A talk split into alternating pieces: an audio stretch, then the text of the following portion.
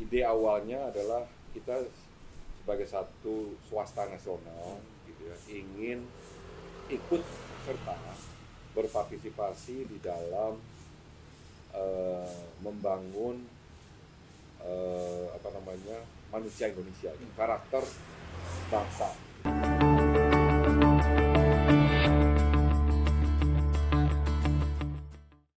Hai teman-teman, uh, welcome back to the episode of Filomet. Hari ini kita kedatangan uh, tamu yang sangat spesial, Bapak Aziz Arman. Uh, Bapak Aziz Arman sekarang uh, menjabat sebagai Vice President Director da- dari PT Indika Energy Tbk, serta merangkap sebagai CEO dari Indika Foundation. Apa kabar Om? baik baik baik Thank you banget ya Om udah taking time untuk uh, hari ini uh, oh iya, iya, sama tentu kita. saja tentu saja tentu saja Jadi topik diskusi hari ini uh, kita akan discuss mengenai background Om uh, serta nanti uh, education, uh, masa kecil, serta nanti transition Om dari uh, Om kan seperti dunia finance. Betul. Uh, bagaimana uh, transitionnya dari indi- uh, dunia finance masuk ke uh, leading satu uh, energy company di, di Indonesia. Nanti juga kita akan uh, berdiskusi mengenai Indica Foundation Om yang Oke. memiliki yang sangat uh, visi yang sangat uh, menarik untuk anak muda khususnya oke mungkin eh, saya tahu om eh, om om dulu eh, graduate dari UI ya om Betul. dengan degree dari economics Eh, dan om memutuskan untuk melanjutkan eh, S2 di UIUC yang Betul. kebetulan tuh sama seperti saya om mungkin eh, boleh sharing dikit om eh, kenapa waktu itu om eh, pilih mengambil ekonomi di UI serta eh, mengapa om eh, decide untuk mengambil S2 eh, di UIUC Wow, waktu zaman saya dulu gitu ya. Itu ketika awal 80-an lah ya. Pada saat itu informasi kan tidak tidak se tersedia seperti kondisi sekarang dan komunikasi bukan hanya informasi tapi komunikasi juga tidak tidak sefluid seperti sekarang gitu. Hmm. Kalau masa-masa eh, teman-teman kan bahwa se- apa, ada ada saja sesi dari senior senior datang menjelaskan Iya, iya. ininya ya kan Terus kemudian ada pula di saat ini saya ketahui mengenai eh, tes bakat gitu ya Iya, iya. Uh, itu banyak sekali kan sekarang sekarang itu ya uh, informasi dan informasi-informasi mengenai dari internet ya dari sosial media tentang apakah apa bidang tertentu apa bidang tertentu. Nah, Om pada saat itu tidak tidak ter- tidak punya gambaran yang terlalu jelas gitu ya. Hanya pada ketika SMA Om itu di bidang sosial jadi IPS. Oh, IPS gitu kan. Iya. Nah ketika IPS mau mau mendaftar apa gitu ya, Hmm. ya daftar ekonomi Iya. gitu. Jadi eh, karena kita nggak bisa lagi jadi dokter, jadi insinyur udah nggak bisa lagi, ya udah di ekonomi saja. Om tidak terlalu suka baca-baca saja bidang sosial pada saat itu sosial apa ilmu sosial, ilmu politik, antropologi hal-hal tersebut eh, Om kurang suka. Jadi kita dilihat bahwa ekonomi yang masih ada matematikanya Ya. gitu-gitunya Eh, dan hukum Om kurang suka juga pada saat itu gitu. Jadi dia memutuskan untuk memilih ketika itu si Penmaru namanya Hmm. eh, bidang ekonomi gitu Universitas Indonesia UGM dan juga Parahyangan waktu itu Alhamdulillah diterimanya di UI Wow, itu UI sampai sekarang kan masih prestigious banget ya Om, apalagi di FA-nya. Eh, jadi waktu Om di sana, Om mungkin sempat ketemu orang-orang yang saat ini menjadi someone yang besar ya Om. oh iya iya Iya. iya, iya. Waktu di saat Om waktu masih kuliah tuh Om eh, tahu gak sih Om kira-kira siapa yang bakal menjadi kayak oh someone gitu atau semuanya kayak sama-sama aja waktu Om kuliah gitu. Eh, kalau waktu itu ada ada teman-teman yang memang sudah berniat Hmm. memiliki karir di administrasi ataupun di public administration, di menjadi public service. Ada yang punya niatan sebagai menjadi sampai ke pendidikan yang S3 gitu ya. Jadi ya tentu saja kalau udah eh, soal posisi Iya. itu udah apa namanya? udah garisan tangan mungkin ya. Iya. Tapi dari intensinya itu sudah sudah banyak yang kelihatan Hmm. jalurnya gitu. Hmm. Tapi itu saya rasa itu sebagian kecil ya. Oke. Eh, ada tapi tidak semuanya gitu. Tapi kalau dari dulu dari keluarga sendiri itu emang didorong untuk belajar keras dan juga untuk achieve greater things atau biasa-biasa saja Om dulu pas di keluarga.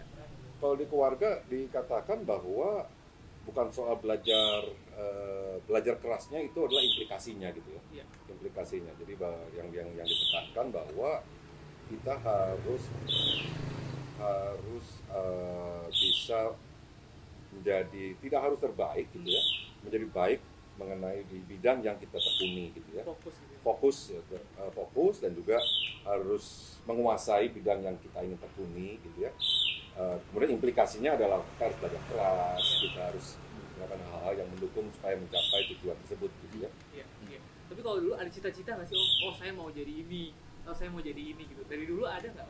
Oh ada pasti ada pasti itu dan itu ber- berkembang gitu ya berkembang kan waktu kecil karena saya waktu kecil tuh agak sering sakit-sakitan. Jadi sering ketemu dokter gitu kan. Dan dari keluarga ibu itu ada banyak yang memang profesinya dokter gitu ya. Jadi otomatis pengen jadi dokter gitu. Ya. Oh, memang awalnya tidak awalnya begitu. Itu tidak memang tidak ada tidak ada apa tidak ada rasa ketakutan ke dokter jadi bukan itu tapi ketika kemudian SMP SMA gitu tuh menyukai bidang terutama ketika SMP bidangnya lebih suka ke fisika. Oke. ya kan kemudian ada ternyata menjadi engineer gitu. Jadi ketika SMA eh, wah kok kayaknya bidang IPA nih complicated sekali gitu ya. Saya memilih IPS gitu ya. Ya udah jadi ekonomi ketika ekonomi di- ditanyakan mau jadi apa belum tahu kita gitu ya. Belum tahu ya begitu masuk fakultas ekonomi itu eh, ya banyak lah di situ role model role model di bidang ekonomi ya. Eh, banyak profesor banyak doktor yang kalau di koran-koran kita baca gitu ya. Banyak menteri-menteri pada saat itu yang memang berasal dari fakultas ekonomi UI gitu. Sehingga ada cita-cita di situ menjadi memiliki apa namanya sampai sekolah sampai ke doktor kemudian wah menjadi ketua Bappenas Iya. atau menjadi gubernur Bank Indonesia gitu ya itu cita-cita uh, awal sih gitu ya ketika masa masa kuliah gitu Menarik om. Jadi evolusi terus gitu ya? evolusi terus evolusi terus Oke oke. Terus dulu waktu uh, decide untuk ambil S2 di UIC itu gi- gimana Om ceritanya? Uh, bisa di-share dikit, Om. Ya, jadi ketika Om sebenarnya eh, sekali lagi ini evolusi gitu ya. Ketika di kuliah S1 gitu ya, saya konsentrasinya tuh ekonomi moneter. Hmm. Karena memang waktu itu pingin sekali tuh, wah ini gubernur Bank Indonesia, bekerja di Bank Indonesia gitu ya. Itu satu profesi yang teridam-idami gitu ya. Tapi kemudian ketika membuat skripsi, itu skripsi saya lebih kepada income distribution Hmm. mengenai kemiskinan, mengenai income distribution gitu ya. Tentu saja berkaitan dengan kebijakan moneter apa yang bisa mengcater uh, income distribution dan juga uh, kemiskinan pada saat itu. Udah, ketika lulus, mulai bekerja, research di kampus, dapat tugas untuk mulai mempelajari uh, dari apa namanya, bagaimana interaksi kebijakan ekonomi itu dengan ke sosial Hmm. dan juga lingkungan hidup.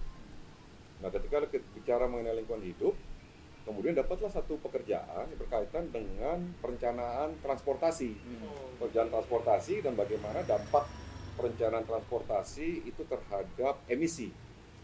Ya, itu pada saat itu bekerja dengan salah satu profesor dari Illinois. Hmm.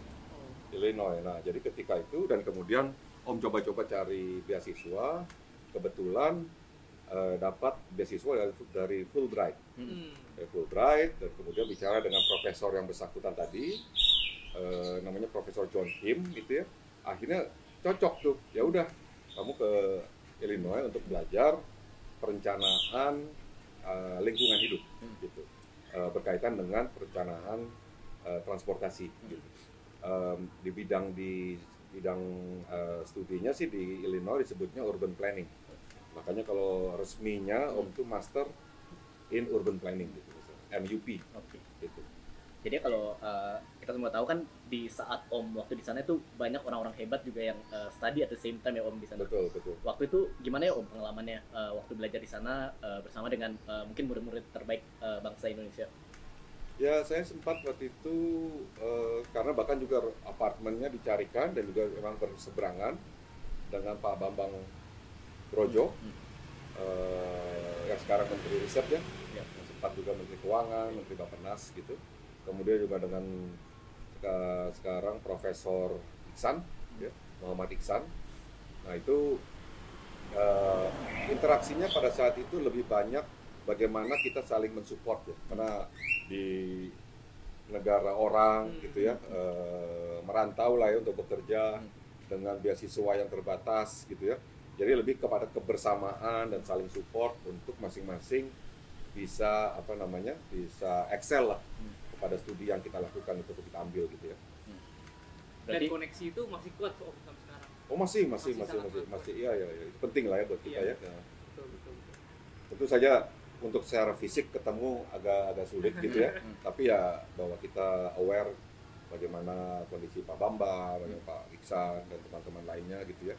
Masih waktu ke sana itu eh, ada janjian nggak sih om atau emang eh, tiba-tiba semuanya membeli UFC om kalau boleh tahu Eh, tidak ada janjian sih, tidak ada janjian, tidak ada janjian bahwa eh, ya kebetulan karena Om tadi koneksinya seperti gitu, Pak Bambang Brojo juga to a certain degree serupa.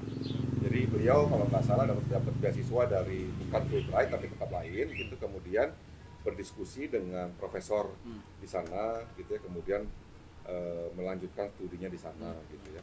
Eh, Profesor Iksan juga seperti itu, gitu ya banyak juga teman-teman lainnya ada yang wartawan ada yang pemain gamelan ada yang food science gitu ya Eh, pada saat itu sebenarnya Illinois belum sepopuler saat inilah ya Hmm. gitu kan Eh, cuman Ibu Sri Mulyani juga dari situ ketika saya sampai Ibu Sri Mulyani sudah kembali Ibu Sri Adiningsih juga gitu ya nah itu sempat ketemu tapi sudah siap- siap-siap mau pulang itu Ibu Oke. Ibu kita nyebutnya manggilnya Mbak Ning ya Nah kemudian eh, Om Aziz kan dari dari kuliah pertama kali bekerja di finance ya Om ya. betul Itu boleh ceritakan Om bagaimana masuk ke dunia finance dan kemudian pengalaman-pengalaman didapatkan apa saja? Ya, ini evolusi dan banyak kebetulannya lah ya. Iya, gitu. Jadi kalau selesai kuliah, bahkan sebelum selesai kuliah itu Om ikut eh, penelitian, Hmm. lebih pada ekonomik penelitian, gitu, economic research, dan juga sekalian menjadi dosen, jadi asisten Oh, dosen, oke.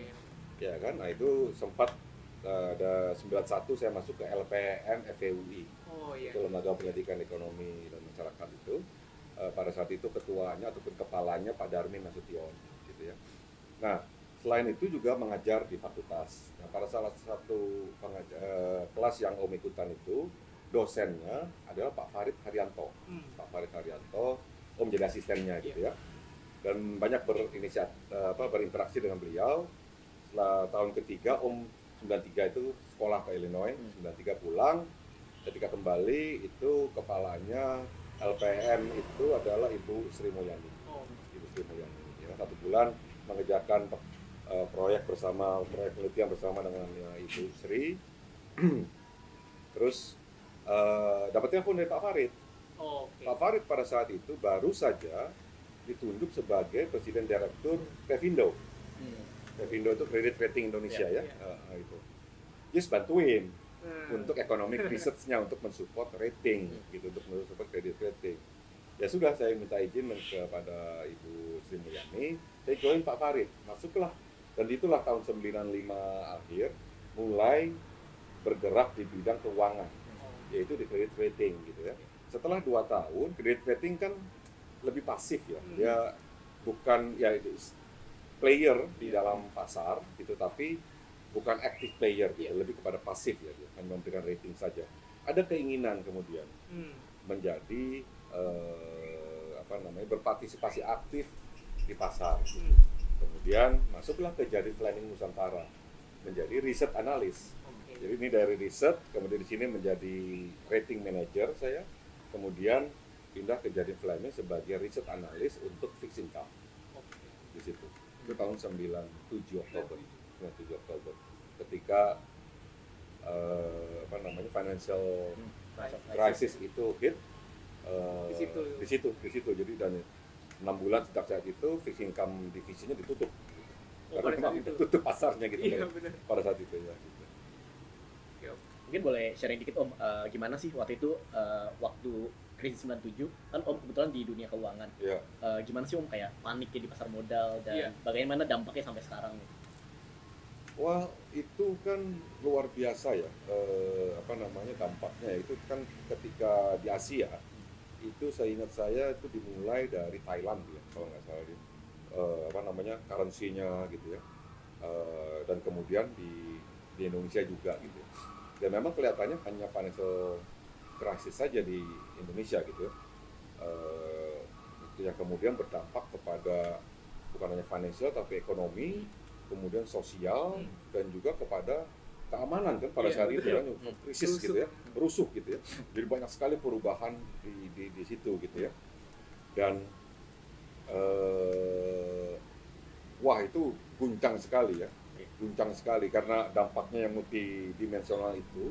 Jadi mungkin kalau secara ekonomi kita kita ya secara itu ya pemain pasar itu ya terdampak harga pasar turun ya kan? Terus kemudian eh, rupiah mengalami depresiasi yang sangat drastis sampai sekitar 16 ribu. Wah itu mengkhawatirkan sekali ya gitu mengalami ras ke bank itu kan hal-hal yang biasa gitu. Jadi kalau udah itu wah itu me- me- mengerikan ya mengerikan sekali gitu. Tetapi yang lebih mengerikan pada saat itu adalah dampak sosial dan ekonomi adalah politiknya ya keamanan gitu. Itu yang kemudian eh, khawatir mengkhawatirkan sekali kita keluar rumah takut gitu ya. Berinteraksi juga takut berkumpul kan. Nah, itu sampai akhirnya ada apa reformasi ya pada 21 Mei ya 2000 eh 998 gitu ya. Itu yang membuat membuat kita saya rasa kita harus belajar dari itu jangan sampai itu terulang lagi gitu ya Eh, tapi kalau lihat dari impactnya saat ini gitu ya eh, ada perubahan struktural kan ya dari sektor keuangan, sektor ekonomi gitu ya.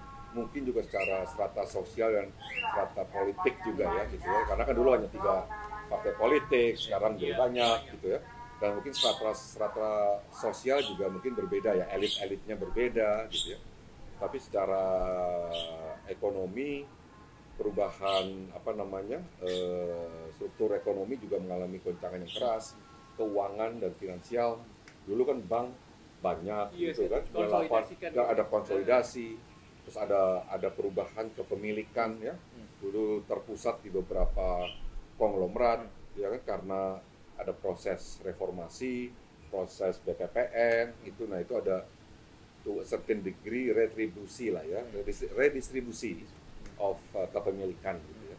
Yang kemudian muncul juga eh, siapa namanya pemain-pemain ekonomi yang baru yang muda-muda pada saat itu ya yang yang tidak tidak tergantung ataupun tidak tidak terkait tidak punya hubungan dengan elit-elit pada saat itu gitu. Jadi wah banyak muncul muncul baru gitu ya. Jadi sebenarnya kalau lihat dari situ eh, positif tapi memang harus sangat hati-hati. Kalau kalian ingat berapa tahun kita ini? Dua apa tiga tahun yang lalu saja kredit rating Indonesia itu baru kembali ke triple B minus Hmm. ya kan? Iya. pada saat itu itu triple B minus sebelum financial crisis gitu. Jadi ketika 97 98 itu saya nggak ingat apa akhir 97 atau awal 98 yang di downgrade menjadi non investment grade ya non investment grade. Itu anggaplah 98 tiga tahun yang lalu itu 2018 gitu ya 30 tahun. 30 tahun in, apa kredit rating kita itu bukan non investment gitu ya. Apa bu- non bukan bukan investasi gitu. Nah itu itu kan dampaknya sangat besar ya. Ketika negara mau raise funding Iya. bunganya lebih tinggi ya kan? Dan itu ke corporate kepengaruh semua kan ya. Hmm, hmm, hmm. Eh, persepsi masyarakat investor internasional juga terpengaruh gitu.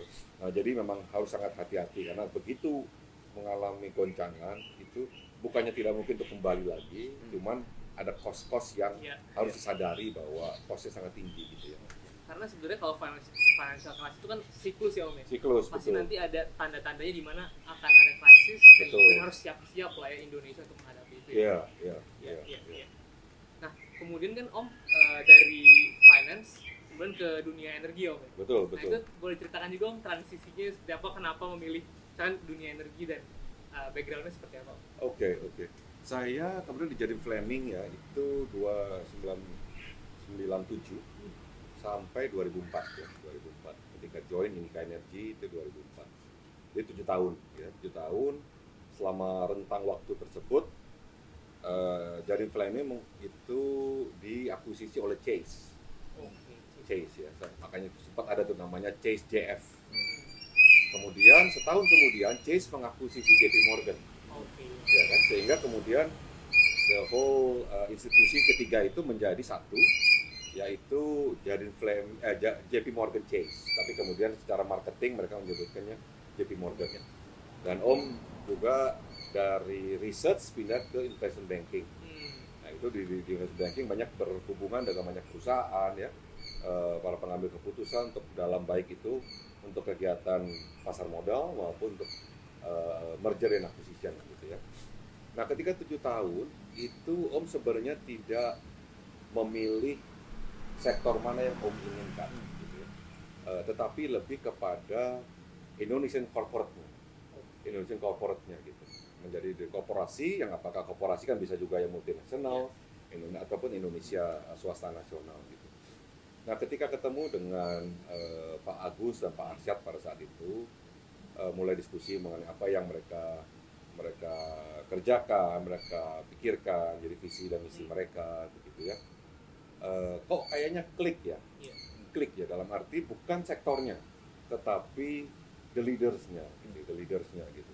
Eh, muda-muda eh, pada saat itu mereka lebih muda dari saya dan wah punya semangat eh, ke Indonesianya sangat kental, Ya. tapi keinginan untuk maju bersamanya sangat kental, gitu ya. Dan satu faktor juga bahwa ada rasa kebersamaan yang sangat kental gitu ada rasa kebersamaan sementara kalau kita di multinasional itu selama tujuh tahun kan punya kecenderungan pergerakan perusahaan itu digerakkan oleh satu sistem Ya. satu sistem kita tidak pernah tahu tuh yang namanya pemegang saham kita. Gitu kan ya. Iya, ada di mana itu pemegang saham itu kan? Ada di New York. Siapa juga kalau kita datang ke New York susah juga kita cari siapa sih pemegang saham JP Morgan gitu kan ya. Nah ketika ketemu dengan Pak Agus sama Pak Arsyad ini, oh ini kok punya rasa yang berbeda gitu kan, punya koneksi yang berbeda dalam hal eh, rasa kebersamaan, ya, rasa eh, value-value yang ingin ataupun nilai-nilai yang yang yang yang dicanangkan gitu ya. Eh, mungkin belum perfect pada saat itu dan rasanya keinginan untuk menuju hal yang bersama kebersamaan itu yang membuat oh, ah, masuk ke pindah keluar dari multinational company ke Indonesian corporate gitu ya dan eh, kebetulan pada saat itu adalah di sektor energi Nah, sektor batubara eh, kemudian pada saat itu juga kita sedang mengusahakan pengembangan power plant Ya. gitu. Eh, bangkit listrik tenaga uap gitu. Itu yang kemudian berangkat dari situ 2004 di Nika Energi hanya 50 orang gitu ya. 50 orang gitu. Saat ini secara total grup alhamdulillah di luar subkon dan macam-macam tuh 8.000 gitu. Sempat pernah mencapai 10.000 kira-kira 2000 apa 5 6 tahun yang lalu gitu. Tapi kemudian proyeknya habis gitu gitu ya ya terus sekarang 8.000 gitu yang aku juga mau tanya om kan menarik dari multinational company ke national company itu kira-kira om apa aja apa saja sih yang dibawa jadi skill apa yang dibawa om dan juga pengalaman apa yang dibawa dari uh, dari financial kemudian ke, ke industri energi Oke. Jadi pada saat itu yang yang terakhir dulu yang kedua dulu ya bahwa pada saat itu Indika Energy kan kegiatannya lebih kepada merger and acquisition, merger acquisition oh, gitu ya. iya, iya. Kepada merger and acquisition. Nah, itu yang itu yang apa namanya eh, yang saya pelajari di, di JP Morgan yang kemudian saya bawa eh, bersama-sama eh, teman-teman gitu di Indika Energy untuk mengembangkannya baik merger acquisition, kegiatan di pasar modal, pendanaan ya ke- dan ke, kesemuanya berkaitan dengan kegiatan-kegiatan eh, keuangan gitu ya. Iya, Om. Oke, kembali lagi nih Om Aziz. Ya ya Jadi ya. mungkin uh, kita sekarang mau bahas nih Om, kan tadi udah transisi ke IDIKA. Ya ya. Nah kemudian mungkin bisa highlight Om di IDIKA ini apa-apa saja yang Om sudah lalui dan kemudian day, day to day life seperti apa Ya. sebagai CEO itu seperti apa? Om? Eh, kalaupun mau kita evolusinya ya, saya jelaskan ya. Saya waktu 2007 kemudian ketika kita melakukan transaksi pertama di pasar modal, saya itu diangkat menjadi direktur keuangan CFO gitu ya.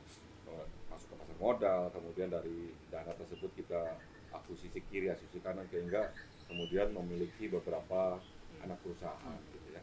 Dan tentu saja di direksi Indika kita memikirkan bagaimana anak-anak usaha ini di- selain tentu saja di Indika Energinya untuk mengembangkan diri lebih lanjut itu pengembangannya seperti apa gitu ya? Diversifikasi. Diversifikasi, bukan hanya dari yang sudah sudah kita invest bagaimana Oh. mengembangkannya kan ya? Ya, ya. Eh, karena kan dari Indika Energy diakuisisi kemudian setelah diakuisisi itu bagaimana perkembangannya gitu ya?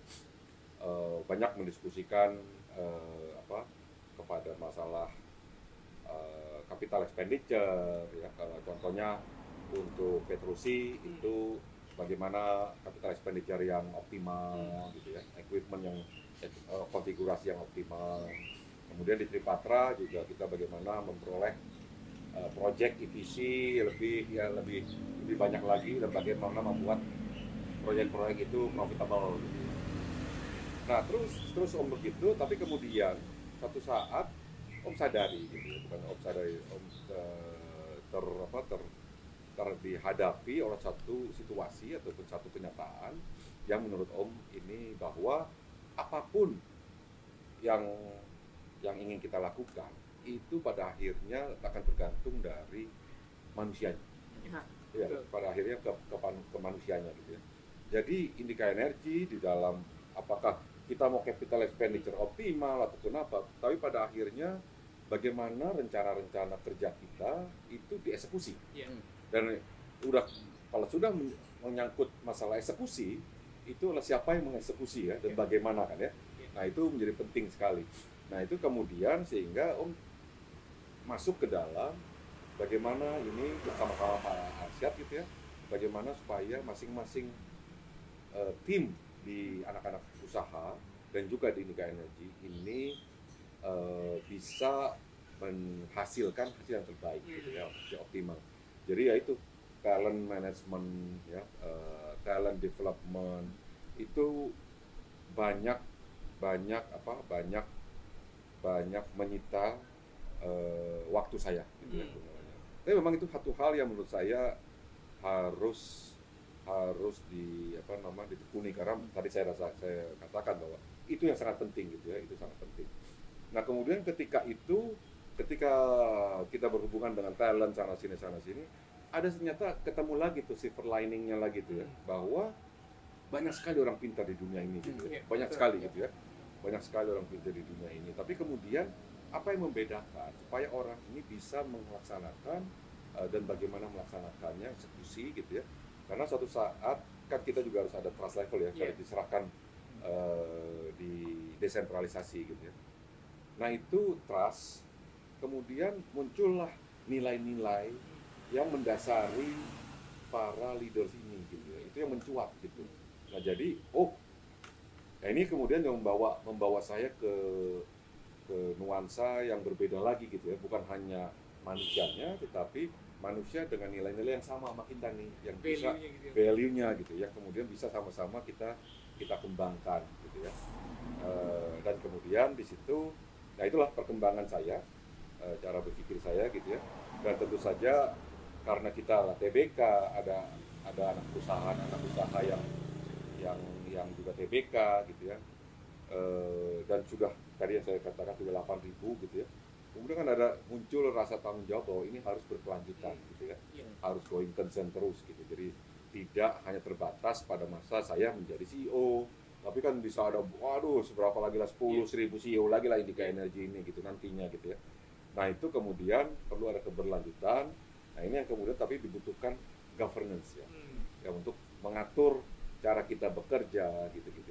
Nah hari-harian saya saat ini seperti itu, Far ya. Jadi bahwa memikirkan tentu saja arahan perusahaan Iya. gitu apa, tapi kan tidak tiap hari ya. Hmm. Tapi yang harus dijaga aja bahwa harus kita konsisten. Terus kemudian setelah itu kita breakdown kan ya kepada rencana tahunan, rencana tiga tahunan gitu. Nah kemudian dilihat siapa yang bisa menja- menjalankannya, bagaimana menjalankannya, dan bagaimana value-value atau nilai-nilai orang-orang yang menjalankannya gitu ya untuk benar-benar yang mencapai keberlanjutan tersebut gitu ya Wah, menarik Om. Jadi gitu untuk desentralisasi perlu orang-orang yang punya value yang sama dan harus strong gitu ya di bawahnya. betul betul iya. betul Kalau dari Om sendiri mungkin value-value apa ya Om yang Om cari dari uh, pemimpin di dalam Indika Energy? Iya. Ada lima ya kita ya lima plus satu lah sekarang ya saat ini kita. Satu yang nomor satu itu integritas ya Iya. integritas ya integritas. Kemudian juga dia uh, diversity. Hmm. apa namanya keberagaman ya. Eh, itu terus kemudian teamwork karena kita tidak bisa mengejarkannya Hmm. sendiri. Saya rasa juga saya juga nggak bisa tidak bisa lah kita menipu diri sendiri bahwa kita bisa melakukannya semuanya gitu Eh, cuman juga harus perform harus Hmm. achieve something achievement gitu ya. Harus perform. Yang kemudian apa pun yang kita kerjakan ini memang eh, harus punya tanggung jawab sosial. Hmm. harus tanggung jawab sosial ya. Jadi itu.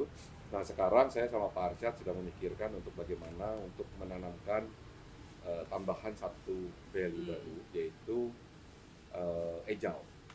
Agility ya. Karena perubahan kan sangat luar Iya. biasa saat ini ya. Sangat luar biasa gitu bahkan kalau orang mengatakan wah ini sedang covid gitu. Covid itu sendiri pengertian kita ketika Maret setahun yang lalu dengan kondisi saat ini itu berbeda sekali kan ya. Karena perubahannya gitu ya dan bagaimana kita bereaksi terhadap itu ya. Nah itu eh, kita perlu agility di dalam menyikapi perubahan-perubahan tersebut gitu aku juga perasaan om sedikit. Ya. kalau misalkan uh, kan ada value nya ya om ya. Itu bagaimana ya cara menilai orang? Apakah dengan interaksi dulu atau dengan misalkan dikasih pekerjaan? Itu bagaimana sih om cara menilai orang ya pada akhirnya value-value itu muncul dari ke tingkah laku ya. Oh oke. pada behavior. Behavior. Contohnya eh, di dalam berdiskusi gitu ya. Eh, karena keberagaman itu bukan hanya soal sara tapi keberagaman di dalam mindset gitu ya. Hmm. Eh, menerima tidak Iya. apa namanya pandangan eh, orang luar gitu ya. Eh, baik itu benar atau salah eh, adalah secondary ya menurut saya. Yang primary adalah kita membuka diri eh, merespek merespek apa namanya keberagaman tersebut gitu ya. Dan dengan tujuan sama-sama bahwa keberagaman itu untuk yang lebih baik ya gitu ya. Jadi dari dari tingkah laku dari cara interaksi ya teamwork ya kan cara, teamwork sebenarnya di kantor-kantor kalian gitu kan Ak- dari inter- dari interaksi walaupun kita disebutkan wah kita harus teamwork kita harus teamwork gitu ya gimana gitu ya karena dan munculnya itu dari interaksi ya, dari tingkah laku kita kita semua gitu ya Jadi kita bisa lanjut Om ke Indika Foundation Om. ya ya Om kan ya sekarang menjabat sebagai CEO dari Indika Foundation. ya ya, ya. Mungkin eh, bisa di-share eh, pendengar eh, apa sih tujuan dari Indika Foundation dan apa visi misinya yang sedang dikerjakan. Oke, eh, ini ini menarik sekali kalau Indika Foundation ini 2017 ya, eh, tidak salah. Itu ide awalnya adalah kita sebagai satu swasta nasional gitu ya, ingin ikut serta berpartisipasi di dalam eh, membangun eh, apa namanya manusia Indonesia, karakter bangsa ya. Jadi bagian aja. Kita tidak kita tidak tidak tidak muluk-muluk kita akan sebagai apa namanya enggak kita hanya hanya ikutan berpartisipasi eh, supaya manusia Indonesia itu memiliki karakter-karakter gitu yang diagung-agungkan kan seperti ini bahwa apa bahwa bangsa kita adalah NKRI berdasarkan Pancasila adalah dasarnya Undang-Undang Dasar gitu ya itu semua seperti tadi saya sebutkan bahwa itu harus muncul dalam bentuk tingkah laku gitu ya. Nah ini yang ingin ingin kita kita apa kita ikutan dalam berpartisipasi dalam pengembangan tersebut semata-mata supaya kita semua manusia Indonesia itu bisa mengoptimalkan potensi-potensinya gitu. Jadi bukan hanya sumber daya alamnya, bukan hanya sumber keuangannya, tapi juga sumber manusianya gitu ya. Itu sebagai eh, apa namanya eh, modal utama bangsa kita gitu ya. Itu yang ingin jadi awal-awalnya seperti gitu gitu. Dan eh, misinya ada dua. Dua dua besar ya kalau mau. Pertama eh, itu tadi ya eh, apa untuk karakter bangsa memperjuangkan ataupun ikut berpartisipasi di dalam pengembangan karakter bangsa. Yang kedua adalah toleransi. Di dalam apa menyuarakan ya menyuarakan semangat toleransi gitu ya. Karena semangat toleransi itu banyak banyak sekali ya. Eh, yang paling dasar aja kan nilai dasar adalah soal agama, ya kan. Tapi pada akhirnya kan respect ya, respect terhadap nilai-nilai yang dimiliki orang lain, Eh, respect terhadap keberagaman yang tadi saya sebutkan gitu ya. Eh, itu yang saya rasa eh, kita sebagai apa ya namanya ya corporate citizen ya atau istilahnya ya itu itu ingin ikut serta lah di dalam pengembangan tersebut. Jadi ya diversity dan toleransi itu kan menjadi sangat penting uh, khususnya di saat-saat sekarang ya Om. Apalagi kan kita negara Bhinneka Tunggal Ika. Mungkin bisa sharing Om uh, program-program yang dilakukan oleh Indika Foundation itu seperti apa ya Om? Ada beberapa ya yang program-program utamanya gitu ya. Eh, apa yang kita sebut itu milenial Islami, milenial Islami. Jadi memang karena In- Indika Foundation ini eh, inginnya gitu ya memfokuskan kepada para milenial nih anak-anak muda gitu-gitu ya yang yang yang karena di sinilah nantinya sebagai apa namanya masa depan bangsa itu ya. Jadi milenial Islami itu sebenarnya ingin me- mengembangkan ikut ikut memancing lah critical thinking dari anak-anak muda ya eh, di dalam menyuarakan Islam yang damai Ya. yang sejuk gitu ya. Islam yang damai dan sejuk gitu. Nah itu itu eh, ada beberapa kemudian turunan programnya gitu ya. Ada yang semacam apa namanya tuh kita mengundang proposal-proposal eh, video konten sebenarnya untuk bagaimana teman-teman itu mengapa menyuarakan eh, kesejukan eh, nilai-nilai Islam secara sejuk dan damai gitu ya. Ada juga yang istilahnya itu tanya tanya saja gitu benar begitu? Nama, Iya, programnya ada di YouTube tuh benar gitu. Benar. Gitu tuh ya apa pun kita bisa kita tanyakan kok gitu ya. Benar benar gitu nggak Win gitu kan. Bahwa melakukan hal tertentu seperti itu gitu ya. Tanya jadi kita bertanya dalam arti dan ini mencakup bukan hanya Muslim saja tapi multi religion ya gitu. Jadi saling tanya aja gitu. Benar nggak? Agama kamu tuh menyatakan seperti gini Oh. gitu ya. Jadi ada rasa ada rasa kebebasan di kita Iya, iya. untuk bertanya gitu ya. Misalnya Edwin non Muslim gitu bertanya aja. Edwin mau bertanya mengenai Islam kepada Alfa Alfa Muslim? Iya. Ah, itu tanya aja gitu ya kan? Nah itu sometimes di ataupun di kita itu hal-hal tersebut sometimes itu tabu ya. Hmm. Nah ini ingin kita sup- supaya critical thinking ya, apa eh, memancing ya critical thinking itu ya. Nah itu supaya saling saling berpikir gitu. Ah benar nggak sih?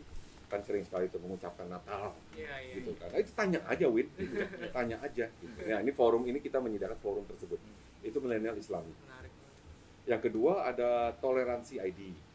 Toleransi ID itu itu lebih kepada satu forum di mana eh, para followersnya itu ikutan tuh, ikutan men- menceritakan apa memberikan video, memberikan apa mengenai apa sih keberagaman, apa toleransi gitu ya eh, dalam hal berbagai macam gitu.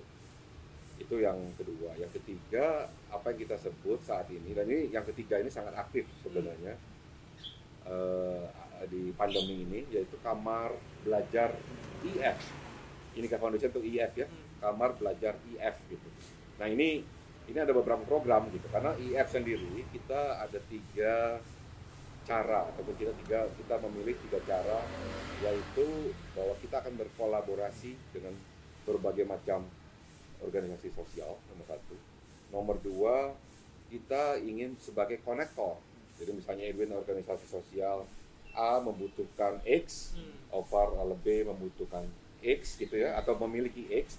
Nah kalau tidak saling kenal kita saya kenal berdua saya ingin mengkonek Iya, iya. gitu kan.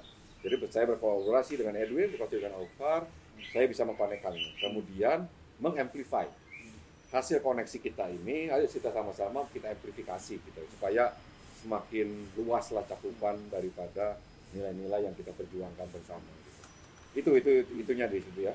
Nah itu di kamar belajar IF itu ada beberapa tuh ada yang in- ujung-ujungnya sebenarnya ingin sharing mem- memberikan forum antar organisasi sosial untuk saling sharing di dalam bagaimana mengembangkan satu organisasi sosial gitu ya. Bagaimana perencanaannya bagaimana pelaksanaannya dan bagaimana memonitornya ya. Karena sering lupa ini kita mengevaluasi dan memonitor. Kita terlalu fokus kepada perencanaan Iya. kita terlalu fokus pada pelaksanaan. Tapi kemudian lupa kepada evaluasi dan monitoringnya gitu ya. Dan le, apa lessonnya gitu ya ini yang lupa. Itu kita kita ini kita juga mengapa namanya call for proposal nih selama setahun terakhir ini banyak sekali. Itu untuk eh, pengembangan organisasi yang berkaitan dengan kegiatan sosial gitu ya. Om, kalau misalkan uh, Om Aziz kan membagi waktu dari jadi Indika Energi sendiri dan Indika Foundation. Iya, iya, itu iya. gimana Om membagi waktunya? Karena kan uh, sibuk sama-sama sibuk. Iya, iya, iya. Uh, ada nggak tips Om untuk cara time management untuk gimana gitu? Ya, eh, pada akhirnya seperti itu kita adalah teamwork ya, Iya. teamwork. Saya tidak tidak tidak akan pernah bisa mengerjakan semuanya sendiri gitu ya. Eh, jadi ada di Indika Foundation ada yang managing directornya, ada yang eh, pelaksanaannya dari managing director kemudian dikejar planning, pelaksanaan monitoring gitu. Sama di Indika Energy juga seperti itu gitu ya. Eh, yang harus kemudian menjadi tugas saya adalah orkestra ya Hmm. orkestra kan pertama menjagain pertama nomor satu adalah jagain bahwa apa pun yang dilakukan itu harus sesuai dengan common goals Hmm. Strategi yang sudah kita ingin capai untuk mencapai common goals tersebut. Itu nomor satu. Nomor dua nomor dua adalah tadi itu. Teman-teman pun harus saling bekerja sama. Saya jagain juga tuh. Ya kan? Dan saling bisa mengembangkan diri masing-masing. Apa yang bisa saya bantu untuk saling mengembangkan eh, antar mereka baik eh, secara individu maupun antar kelompok itu saya akan ikutan gitu.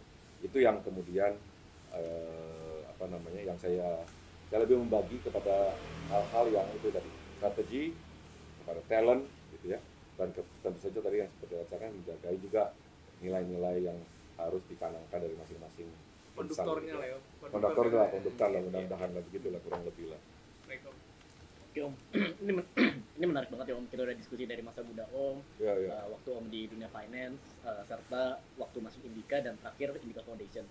Mungkin uh, untuk menutup Om, Om ada pesan-pesan nggak Om untuk anak muda seperti kita yang masih berjuang nih uh, di masa muda kita untuk bisa mencapai uh, achievement-achievement yang seperti Om udah capai saat ini. apa ya? Eh, saya rasa ada dua ya. Saya rasa ada dua ya. Pertama menetapkan goals ya. Menetapkan goals gitu. Goals itu goals itu saat ini tidak juga sebaiknya ya. Saya rasa sebaiknya itu harus ada impactnya juga gitu ya. jadi bukan hanya oh kita ingin memiliki deposit deposito seperti ini gitu ya. Pengen rumah ini gitu ya.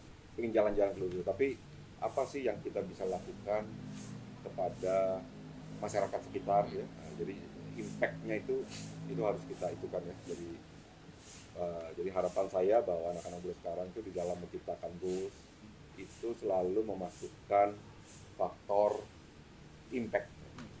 Eh, purpose-nya tuh ngapain? Ya? purpose-nya gitu ya. Jadi di dalam meng- memformulasikan tujuan teman-teman atau adik-adik gitu ya. Nah, itu itu kedua.